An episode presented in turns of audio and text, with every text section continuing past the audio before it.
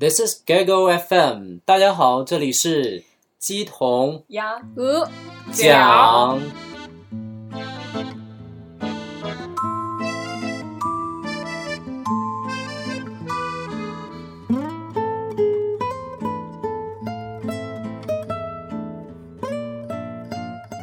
Hello，大家好，很开心又回来了。时隔时隔多久？一个月四十五天吧。我已经已经过了好几年了，就是我以为这档节目已经自然消亡了，没想到我们又把它带回来了，很开心。然后就在这个刚刚之前，我们又做了一个小决定，就是关于这个节目的形式和内容上面又做了一个变化，希望能够有一些营养。所以今天这一期节目，我们会尝试一个新闻以及对新闻的大家的一个看法的一个形式。啊，来做一期节目，然后具体我也不多解释了。其实大家听下来，应该就会知道我们这期节目会怎么做，做什么。啊，大概分两部分，一个是我们会播报一些新闻，然后第二个部分是每一个主持人会选择其中他认为比较有意思的一条新闻去做一些介绍，对吧？嗯，然后我们每个人会大概准备三四条，但是今天那个，诶，你叫什么名字来着？七。企鹅君哦，对，企鹅君这边可能只会一条他最关注的一个点。那我和这个夏娜夏娜会选择三条、四条这样子，然后看看这些身边的事情，呃，平常有没有关注。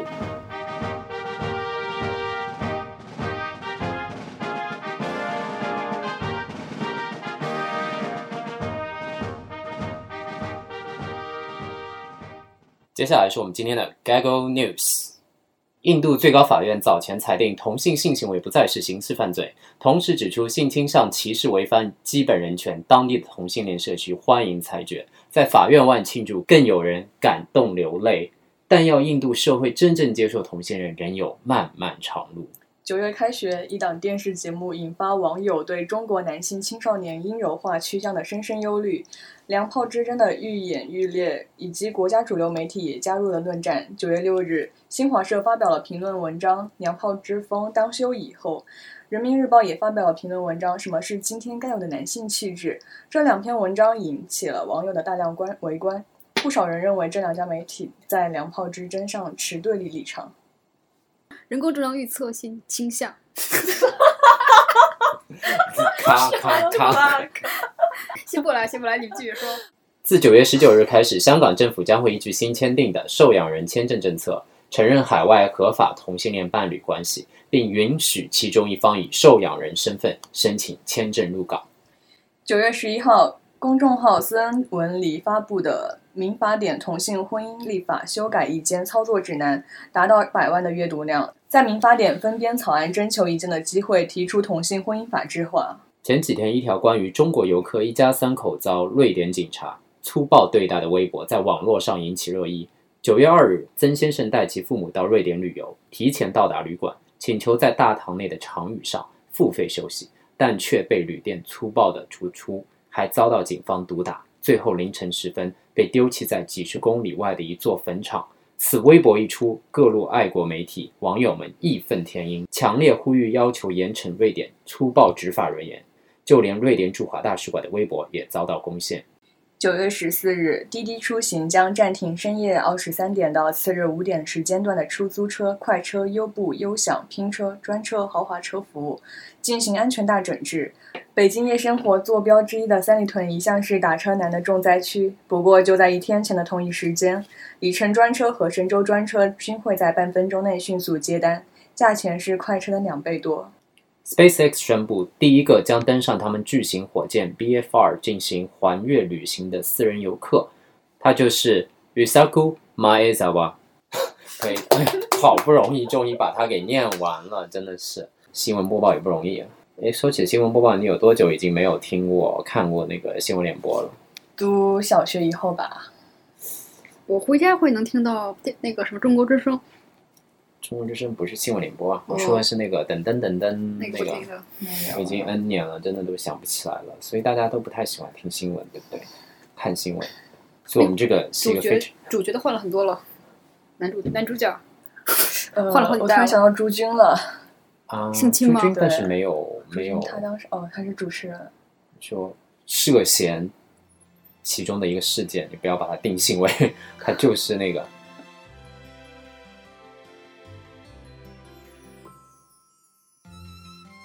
所以接下来呢，我们就要来聊一聊其中几条我们觉得比较有意思的新闻。然后，因为相信大家每一次在刷微博或者是刷朋友圈的时候，有很多文章。其实大部分时候大家都一言不发的，对吧？你最多可能转一下，极少数有朋友可能会去评论一下这个事件。但我相信，其实你只要看过，你心里面可能多少会有一些自己的想法。然后我们今天就来看一看啊，我们在看到这些新闻的时候，大概心里面是一个什么样？好，那要不莎莎娜这边来。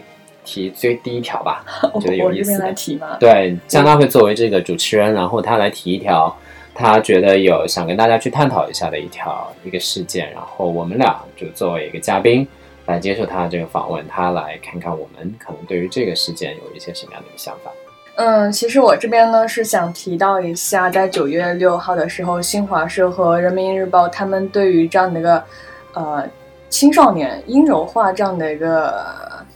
想法吧，或者说他们的这样的一个文章，然后我这边也想问一下，嗯，最近其实我有在看微博热搜嘛，就是在上一在九月中旬的时候，中国一档青少年的节目是关于对于这样那个男性比较阴柔化的这样一个使用嘛，以及人民日报和这个新华社也发表不同的意见，你们后来有这一条新闻有注意到吗？嗯。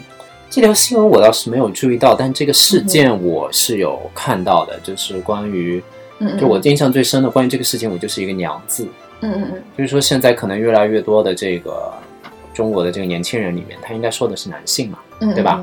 越来越多的这个中国男性好像是表现出越来越娘的这个趋势，然后很多的媒体说啊怎么样怎么样不好啊，男性就应该，嗯嗯，就。阳光或者是那种刚正啊，man 的那种感觉嘛，对吧？对，这我觉得这可能也是，就可能过去带来的这样一种一种对于男性或者说对于父亲父权这样的一个社会的这种定义，就可能更多的希望男性他可能这种正面气质这种标签化。嗯，那你们觉得，你们首先自己对于男性？呃，所谓娘的这个，你们首先这是真实存在的吗？比如说这个事情，你们觉得是客观的吗？以你们看待你们现场，就现实生活当中，你们的男性朋友，还有看到，比如说电视里面、电影里面现在呈现出来的那个，首先这个现象，你们觉得对不对？对，我觉得是存在的呀，因为我身边有很多男性的朋友，他们基本上就是说行为举止看起来真的跟女性没什么区别，很娘，甚至比我还还还够女性，就喝茶喝喝东西会。树脂那种什么兰花指，我我不知道这边的同学有没有同样的行为。你说很多吗？这样的男生朋友？蛮多的，蛮多的。那可能跟你待的圈子也有过一定的关系了，对吧？这也是一个客观的一个，就是在某个某个群体里面，这样的行为肯定是大过一般的。但是它肯定指的是整体社会的上面的。嗯，我个人也是较为趋。赞同吧，比如说我看现在的那个流量明星，我觉得呈现出来的也是，可能以前用的是韩国吧，就是类似于韩国的那种明星那种感觉，是比较媚的。我觉得倒不一定是娘，腐，就是有那种感觉，就是注重外表打扮，就是那种感觉吧。呃，对于这种男性的话，他可能是更多的迎合这样的一个，就像你刚刚所说的，迎合这个社会。就现在小鲜肉，或者说把他们会把这个明星娱乐化，然后来迎合消费者。因为其实坦白来说，我觉得这样的一个明星，他本来也是一个呃，就是被被消费的一个这样的一个群体。啊，所以你说，比如说呈现出来娘也好，怎么样也好，他是有一个客观环境在促使他做的这件事情嘛？就类似于这样，就不是说我主动选择你，而是他觉得，比如说我穿成这样。打扮成这样，行为举止这样，是因为我知道这样是比较受欢迎的。现在一种在明星这一块来说的话是这样子。OK，那普罗大众呢？因为其实这样的娘，她是最开始是从明星这边出来的，从这个呃 CCTV 开讲还是第一开讲课这样的一个呃衍生出来，导致这样的这个媒体主流媒体对他有这样的一个对呃对立的一个意见，对。所以其实呃，人们会去讨论这样的一个事情。但其实，假如说没有这样的事情，就是这样的一个背景的话，那其实对于我，我作为一个就日常生活中的人来说，我会觉得这样的一个事情是很正常的。因为其实我会，嗯，譬如说生活中也是有这样的人，或者说随处可见，我我觉得这是很正常的一个事情。嗯，但可能，嗯，您说，但是我觉得，因为中国这个，我是，比如说我们这个社会的话，嗯你不能忽视的就是传统文化对于大家的一个影响，对，比对吧？嗯。就是那种男性就应该有符合几个固定的几个印象，对。要强壮，或者说你 要阳对阳刚的那种气质，一旦出嗯阴柔了之后，就是感觉你不是一个男性，一个不是一个就是对，不是一个真正男人的那种感觉，对，这个好像是犯了大忌，觉得这样是刻板印象吧。嗯。但是那如果就你们嗯自己来讲，你们能接受吗？或者从你们自己感觉上来讲，你嗯觉得娘不娘？首先在你的定义里面，它是一件对的事情、不好错的事情，还是好的事情、不好的事情呢？我觉得无关对错吧。我也觉得无关对错，不是好不好的问题，就是是他们可能就缺乏那种，或者是想要那种保护欲，才会看上去很女性或很娘的那种感觉。那你为什么觉得保他既缺乏保护欲呢？我这里说的呀，可是，那你要这么想，如果他真的社会大众觉得他完全不是一个无关对错的事情，那他怎么会引起一个讨论呢？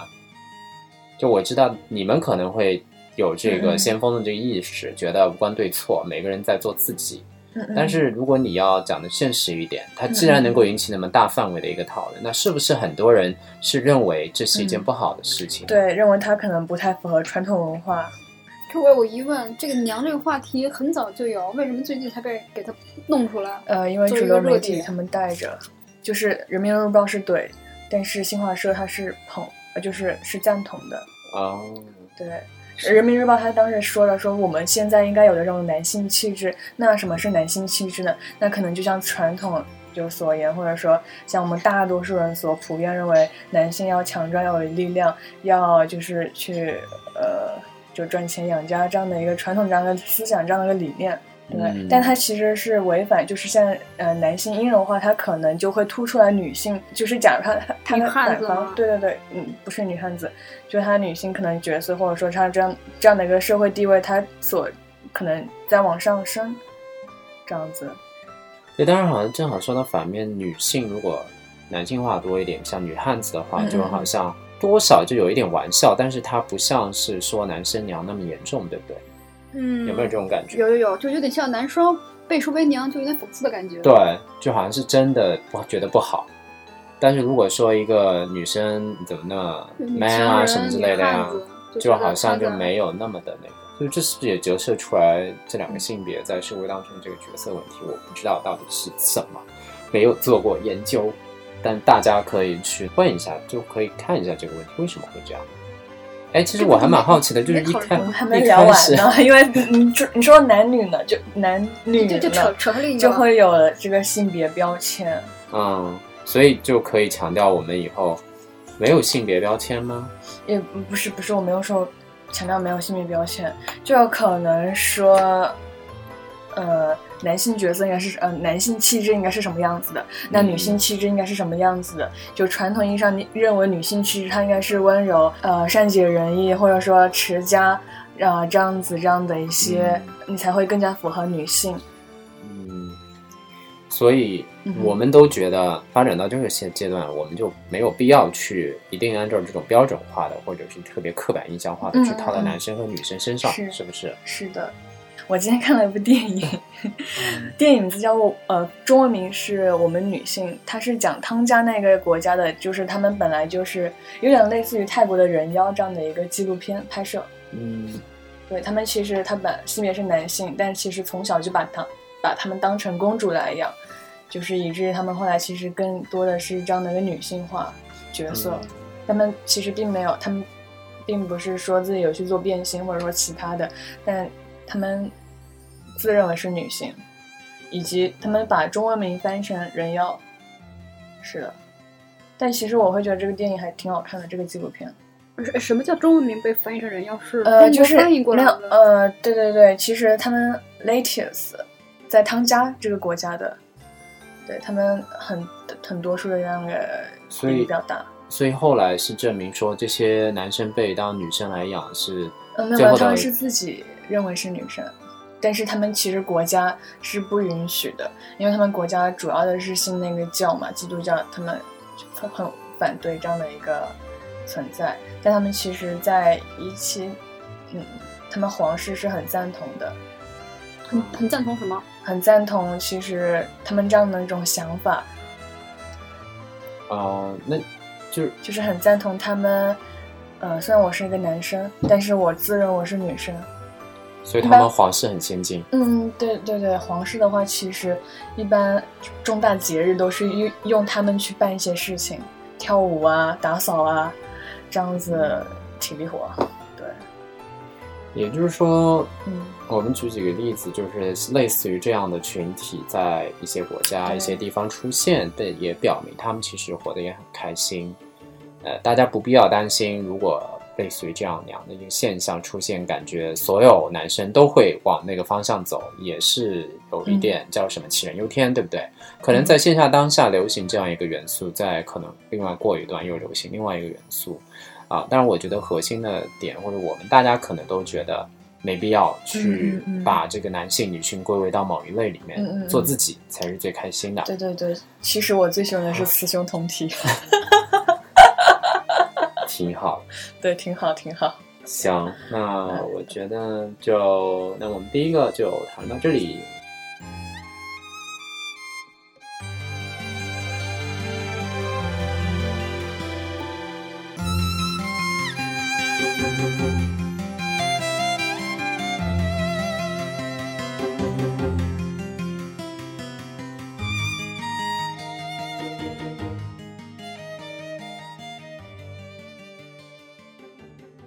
下来一个事情，我就想跟大家聊一聊前几天非常火、非常火爆的一个事件，叫中国游客大闹瑞典。这个，嗯，那个你们都有看对吧？看了看了看了，对他实际上就说一家人其实就是嗯嗯。他自己说他提前到了，然后呢想在旅店呢，因为他带着父母，他父母年纪也挺大了，他想先休息一会儿。嗯。那旅店因为他那个旅店是客满的，嗯，他也没有额外东西，但反正他的意思呢，想要在大堂休息，但是呢，在大堂休息，他也不是说坐着，他肯定要躺或怎么样。嗯无论如何，他会影响到其他那个呃怎么说呢，客客人对吧？对然后更关键的问题，他提前大概一天到，嗯等于说他在这边就想要省一个晚上的费用，嗯这样子。嗯啊，后来这个跟酒店交涉无果之后，酒店没办法就嗯报警。报警了之后呢，就有一幕又一幕戏剧化的这个争吵，你看这种表演啊、洒脱啊，说什么 “this is killing” 啊什么之类的发生。然后后来瑞典警察无可奈何之下呢，把他扔到了附近的一个，嗯他呃之前那个游客说是呃坟场，嗯嗯啊，实际上呢，没有几十公里远，但确实也有差不多五六公里、七八公里远，就嗯是、是一段距离了。啊，然后好像是一个，其实好像还是一个景点的嗯那种感觉，就是他们一般是这样处置的，对，针对这种现象，就它是一个集中的一个驱散的这样一个地方的。然后后来这个事件就因为发到微博之后，就引起了两派嘛，一派就说瑞典人嗯。怎么可以这样嗯嗯嗯。粗暴的对待游客啊，甚至说这个种族歧视啊，类似于这样的言论。另外一派呢，就是很经典的，就是我们也经常看到很多这个国人出到国外旅游之后，有很多这个丑态现象出来。嗯我觉得客观来讲，就是说现在当然爆出来也很多了，具体大概是这样一个事情。嗯，就以你们现在自己对这个事件的了解的话，你们自己首先是站哪一队？你是站在这个游客队，还是说你是站在这个瑞典这一队？嗯，不是，不是，不是。企鹅军，你不是看过吗？你自己是站哪一队？如果非要让你站队的话，你站在哪个队？呃，你站瑞典还是站这个游客这边我这么说，我肯定不会支持中国人这种做法，那就相当于我站在瑞典那边。？OK，你站在瑞典那边，最主要的原因你是觉得他们的行为有点太过分了。对的，但是有一个客观就是说，嗯嗯嗯他呃，据他说他会付费，他可能只想休息一下，然后坐在那个大厅里面，那如果是这样的话，你觉得为什么对方连这个都没办法去满足呢？啊，因为因为我看的报道是说，他们他们租的他们住的那地方是青旅，青旅的话，那大厅基本上都是那种沙发之类的，就那种沙发客，基本上不会能让你停留那么久，或者是就短暂的过夜还 OK，但是你就拖家带口这么多人，肯定不不是很好安置，所以我觉得这个他们的旅店的做法是正确的。没有，首哎先，旅店是把他扔过去了还是怎么着？不是旅店是报警，啊，对，但是旅店是不会同意他，他想要休息很久嘛，对，想到就是说过夜的那种感觉，对对对坐在那边去过夜嘛。然后旅店觉得你不行，你这样子的话，你又不是当天 check in，你不能在这边这么久的这个做这个休息的这个行为，所以他就无奈之下他就报了警。但你不，你如果你是旅店的话，因为我在想，如果我是旅店的话，这个客人只是坐在大厅里面，如果只是坐在大厅里面的话，他如果还同意付钱的话，我觉得我可能会同意耶，因为他没有占到，因为大厅本来就不需要你真的是一定是客人你才能用嘛，对不对？所以我在想，这个是不是可能我的这个就是说可能中国客人的要求，比如说他一定要躺着还是怎么样的，可能就比较过分。然后这个旅店又反对，所以他没办法了，就要检查。但是如果是单纯的，比如说你把东西放在这儿，然后我坐，我坐到明天也好，怎么样也好，我觉得这个行为，我觉得还是比较没有那么过分的。嗯你个人觉得？那假如说他那旅店的大大堂都已经坐满人了，住满人了，睡满人了，就几乎没有地方再安置那一家一家子了。如果你真的是非常严格的说，每一个角落全部住满、坐满了，他已经登记的客户，OK，我觉得肯定要已经那个客户优先，但我觉得肯定不是那个情况。首先，嗯不太可能出现到说我凌晨的时候那个大堂是坐满人的，那他们怎么可能不在自己房间睡呢？对不对？既然已经有房间了，那么那些人肯定是要去自己房间的呀，他不可能在那个大堂里面，因为他到的时候是深夜，所以我觉得这个是不存在的。不一定。那根据航班的话，可能有不同的时间到嘛。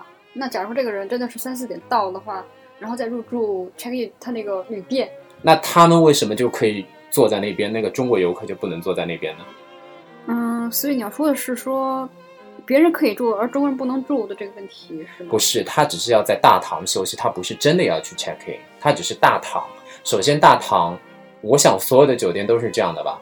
你大堂难道说你一定要去客人你才能进来休息吗？不是吧？我没有在这边办理入住，我也能到大堂里面坐吧？嗯，对不对？如果说这个酒店有规定说，我你不入住，你就不能到大堂休息，那我觉得这家酒店也是挺 friend 挺没有这个没有那种 friendly 那种感觉的，是不是？所以首先是这一点，我就是我只是做个假设，但实际情况应该是他想要躺，那躺我觉得有点过分，但如果只是坐，我只是强调说只是坐一下，然后他还愿意付钱。我觉得，如果我自己平时让人，作为一个酒店，我并不觉得这是一个过分的行为。如果他连这样，他还要把客人赶出去，我觉得酒店有一点不近人情。嗯这是我第一个那个想要说的一个点。嗯，那后来我，呃，当然后面就是说，哦我觉得世界我啊，打扰你说打断一下，他中间是有带家长一起出门的，对吗？对，那他现在应该也是八零，他八零后吗？啊九零后？差不多吧。那那他家60多岁长其实也六十多岁，他可能会想躺。对，所以我我知道，就是我刚刚的点就是在于说，这个嗯事件可能他想躺，但是我只是嗯嗯嗯想强调一下说，如果是不是如果他们当时说我只是做一下，嗯嗯，是不是就 OK？嗯嗯，那如果做 OK，那我觉得还挺合理的。嗯嗯对，就强调强调另外一种可能性嘛。嗯啊、因为这个这个人呢，有点有点极端。然后后来警察来了之后，就更极端了，他就在那边被拖出去，嗯，然后一直大喊大叫，说怎么样怎么样。然后后来一个焦点就是关于这个瑞典警方的一个做法，做法对，就是很多人了解完事件的真相之后，他觉得是是要我不能由着你，你又没有当天办入住之类的。因为新闻的来源有很多，其实我们都只是看自己看到的那一面，所以我们我很多时候也只是做对吧？看到的那些就说。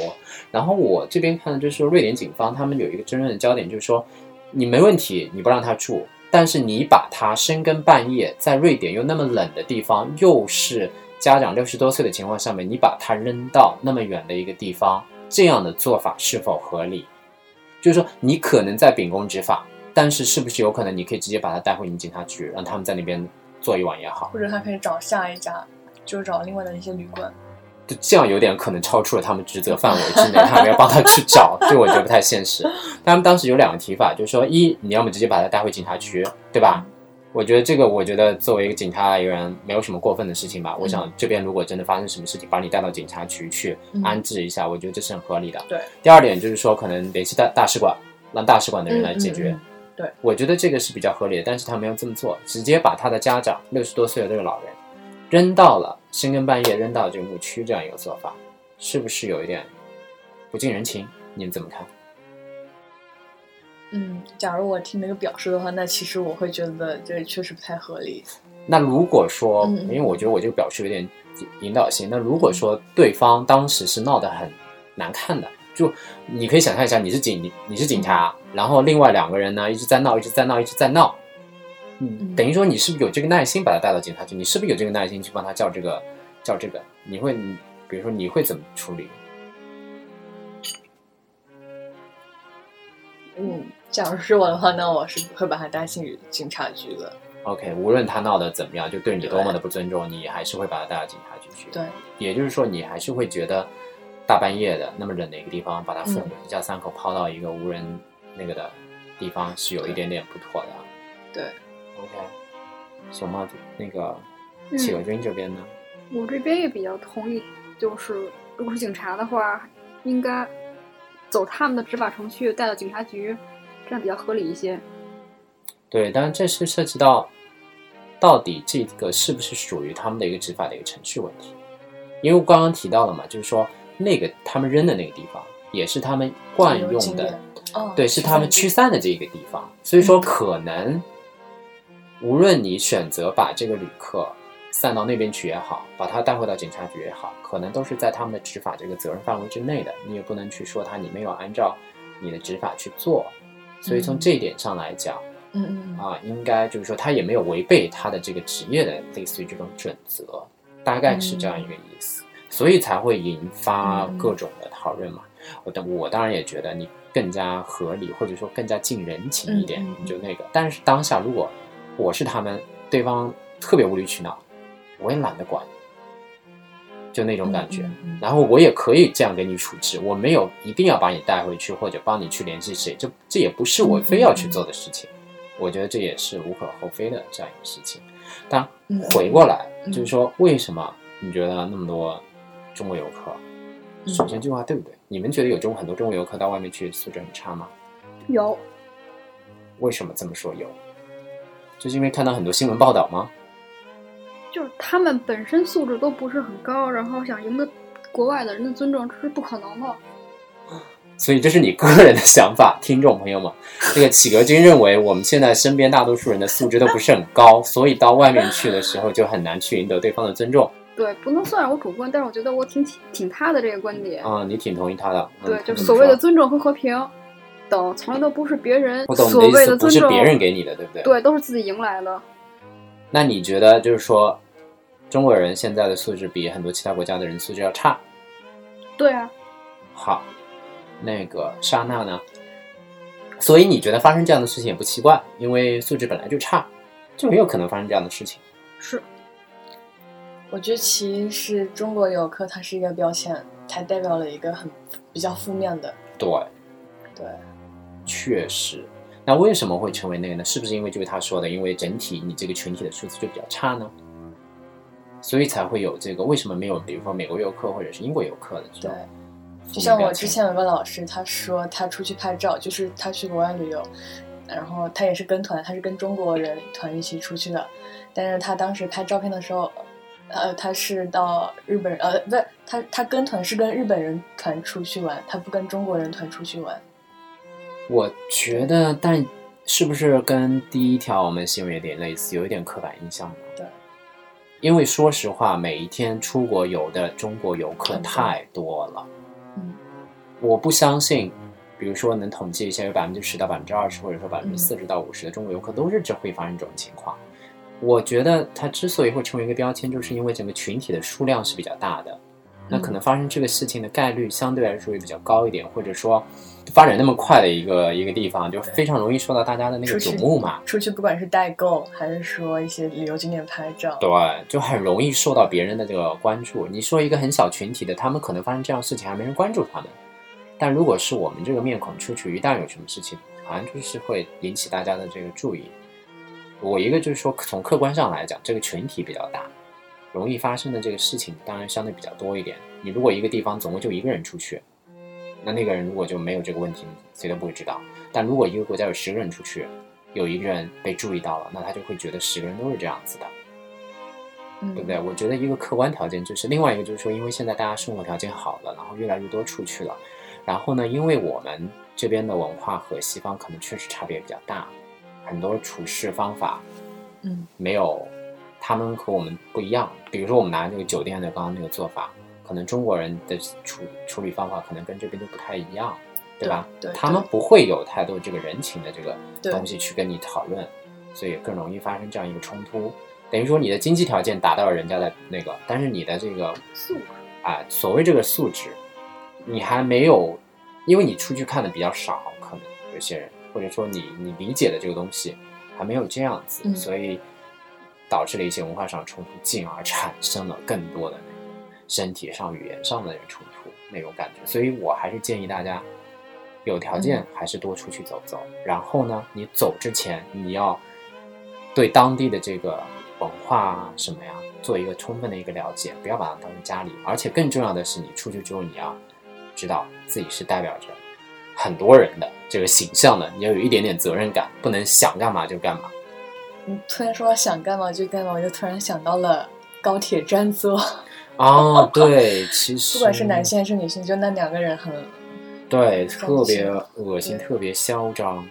高铁占座，高铁站坐的一个男的，一个女的，然后微博上面还还有一个泡面的那个，然后把他们坐到一起，特别搞笑。就是你，你就这个会经常发生吧？就是说，大部分人你占了别人座位，然后拿拿着那个票，周围的票的人就会过来跟你说：“嗯不好意思，这是我的座位。”正常人不是你的座位，你就肯定会离开。嗯，那有些人他又就就耍赖，我不走急了，就不动，然后找那个服务员或者是那个谁来都没用，他就站着，然后还一副很了不起的样子的那个无赖的那种感觉，对，然后就挺那个的。当然，我觉得这还是那一点吧，素质低的人有、嗯啊。行，那那个这个我就聊到这儿啊，就是因为补补一句补一句，说句难听的，今天你所受到的歧视都是自己文明欠下的债。嗯，我半同意吧。有些人他主动来歧视你，这不是我的错，这是他的问题，你也不用把自惭形秽说啊，这就是因为我们以前欠下的债。文明有些人就是他对方素质低，你怎么能怪到自己身上来呢？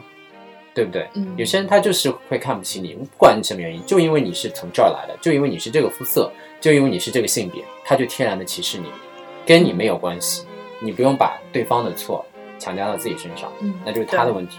你要告就告他，你要说就说他。嗯，赞同。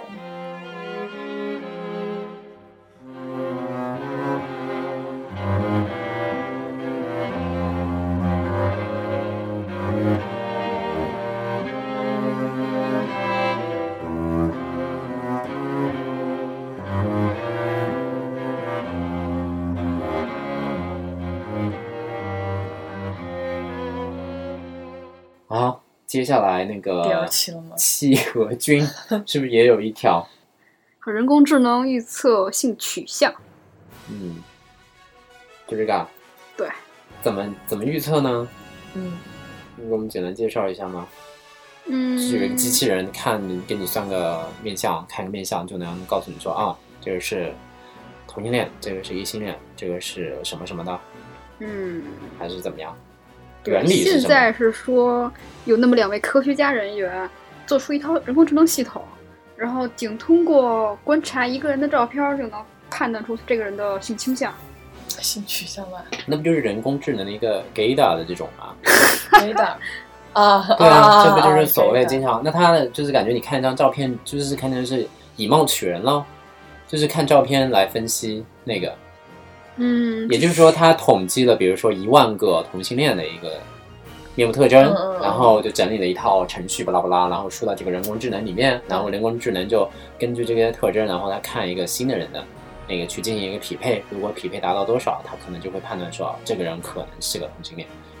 这个逻辑是这样子的吗？对对，逻辑差不多是这样的，就是说，嗯嗯嗯它有个公开信息库，比如说把图片输到他们制作这软件中，这软件叫 VGG 杠 Face 这个东西，然后它会这个软件会被每会被呃输入的图片分配每个编号，嗯，然后研究人员会根据这每个人一到五张照片儿的用户来报告出他们自己的性性倾向和性行为，嗯嗯嗯。然后神经网络对这些照片儿会进行学习和提取特征，然后把这些特征输入到一个呃一一个分类的逻辑里，再回归出整理出来一种反正就是那意思呗，对不对？对大概科学的啊、那你解释一下。觉得你觉得这个东西你你你觉得信吗？你靠谱吗？我还在我还在解释这个，但是如果说它原原来逻辑回归是一种模型。嗯，你说嗯，但是如果它这个数据它是建立在呃十上万或者说十万这样的一个比较庞大的一个数据库的话，那其实我觉得这样的一个数就是被检测的一个程度还是可信的。那我就有一个疑问了。嗯首先，你觉得所谓的同性恋，他的面部或者是任何的身体的特征有共同之处吗？有 AI 系统发现，就是男同性恋通常额骨较窄，鼻子较长，前额较大，即使看这个我会觉得有点也太像清秀的瓜子脸。这个我觉得也太那个什么了吧？OK，然后我觉得你信这个，你不如自己观察一下你身边的所有的这个同性恋，你觉得能自己能够同意吗？我就觉得很难去观察，所以我觉得这样的一个 AI 识别应该还蛮有帮助的。然后与直女相比呢，女同性恋的下颚会比较比较大，然后前额比较小，看起来比较英俊一些。这是 AI。我是完，就它可能有它的科学之处，比如说它这个数据统计是这样。首先，我觉得是完全对我来讲是就像算命一样的东西，我完全不会呃认为它有这个任何可信的地方。呃，为什么呢？就是身边这个无论他性取向什么样什么样也好，他说了这个也好，我套到这个人身上可能有用，套到那个人身上没用，套到直的这个人身上可能也有用，套到直的那个身上可能也没用。那就是说，对我而言，这个东西完完全全就是一个假的一个概率事概率事件的这样的一个问题。所以对我而言的话，这个东西首先就没有这个任何的可取性，就相当于就什么呢？就是很多人说，你为什么会成为同性恋？我我觉得就是至少目前科学是没有办法去证明的，对，它没有办法证明说有一定是基因还是怎么样。当然，大部分可能偏向于这个，嗯所以说我觉得就是说它什么科学都没有办判定没有办法去判定你的情况下面，出来另外一个 AI 技术说，我可以通过我的技术去判别说，哎，你长这样你就是那个同性恋，对我而言也是没有这个说服力的。当然我，他肯定会有一定的他的这个依据嘛，嗯嗯对不对？就算他把所有的现在世界上面所有的这个同性恋的这个面部，他都拿到一个样本，然后他去扫描，他做出一个结果来，对我而言，他也就是一个一个概率性的一个事件，他就做出来是这样子的。嗯那但是不一定说做出来是这样之后才一定证明这个人是同性恋，对不对？嗯因为你只要找出一个反对的例子，说明不是 OK，那就证明你这个东西也只是一个概率性的东西，而不是说你长这样就一定是。因为我相信就是太容易找出一个长这样就不是的呀，对不对？嗯所以对我而言，这个东西就只是一个当一个趣味性的一个科学事件在看待，我是这样来看的。我觉得这问题是被我引导错了，只是说这个东西是能预测，呃，那个同性恋的，呃，能预测人类的性性性取向。就是现在我我们点在乎这个这个这个这个机器人以及人工智能，它好像做出一个玩笑一样。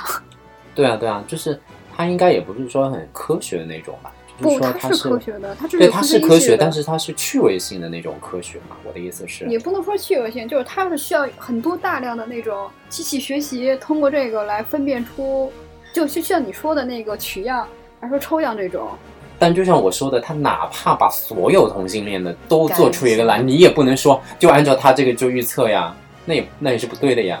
你你就那你的意思他是有他的成功率的，就肯定不能对啊，那就是说他只是所谓给有被 gay 到的人一样嘛，看这个人，哎，他有些人正确率就比较高啊，嗯对不对有？些人气质或者是对啊，，他就觉得是是，然后不是，然后他的成功率就是百分之六十，比我们一般人的百分之四五十就高啊。那这个也是类似的嘛，是不是？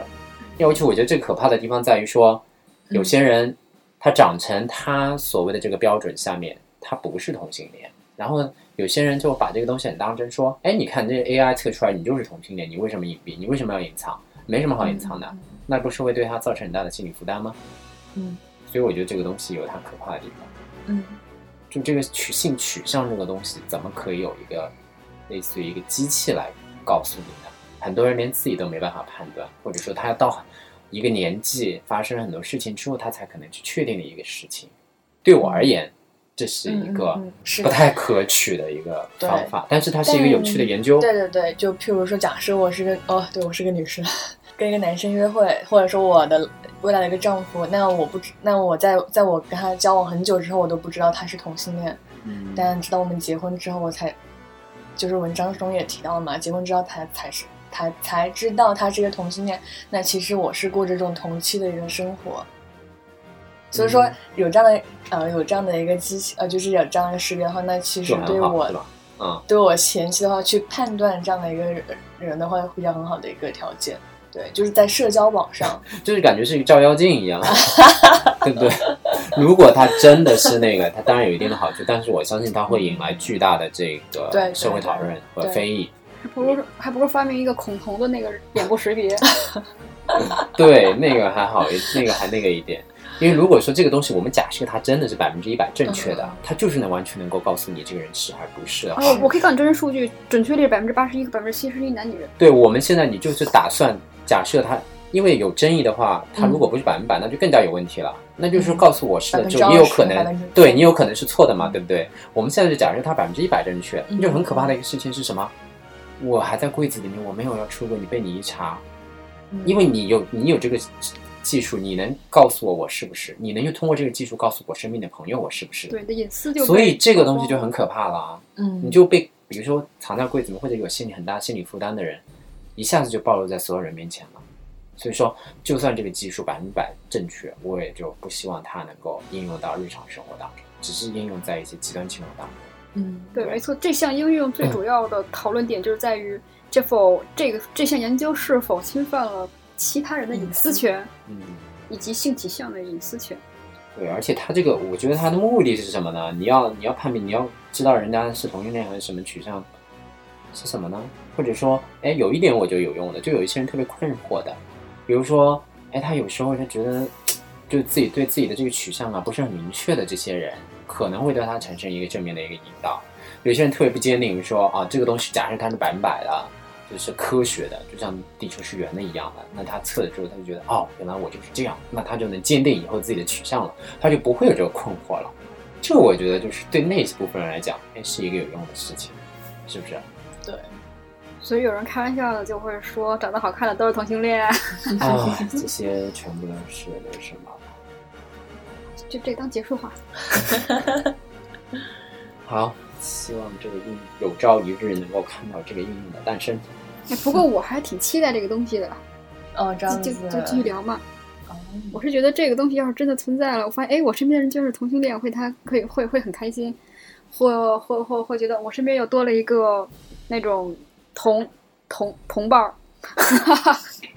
你知道我之前听过比较那个厉害的一个测人家的是不是？就你怀疑那个谁是不是因为这个群里都有一些主流的一些 app 嘛，对吧？嗯交友 app。然后他说怎么怎么测呢？你就比如说你怀疑你的同事是 OK，那你就最常用的几个 app，你嗯把用对方的那个电话号码去注册一个。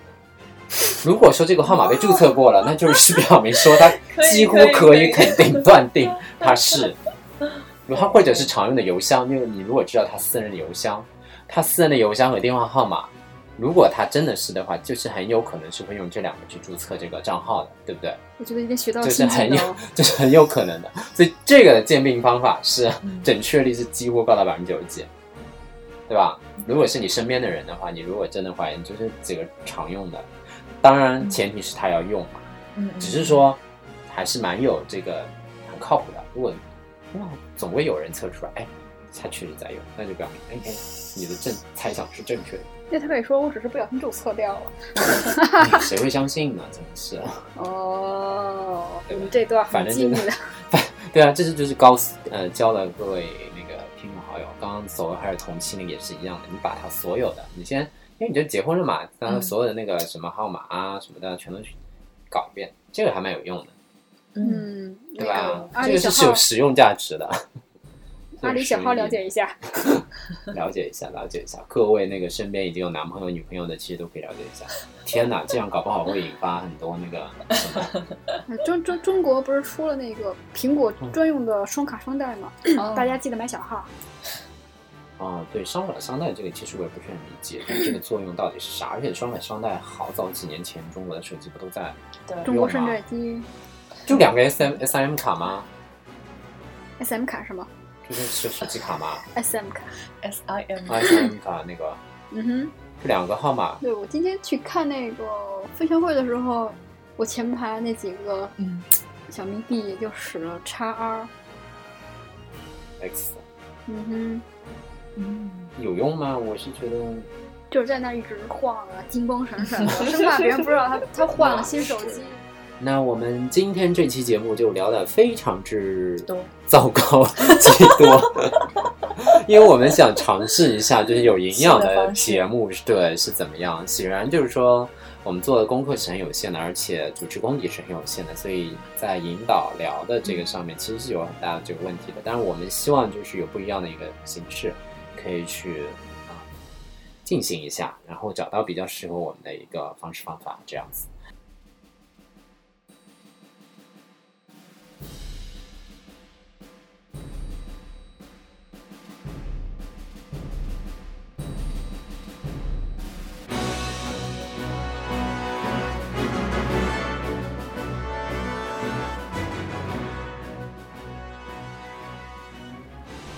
最后，因为我们正好录制期间呢，要过这个月饼节了，那所以如果没有发到月饼或者是发到月饼的小伙伴呢，我们就补一个，祝大家中秋快节乐！快乐，月饼节快乐！虽然这个节日应该已经过掉了，然后接下来那个有七天那个国庆假日，希望大家能够玩的开心，无论在家里还是在国内还是在国外，能够那个休息一下，调整一下，回来之后呢，又有无数的工作在等着你哦。大家都是一样的，别怕别怕，是啊，祝大家那个假期愉快吧。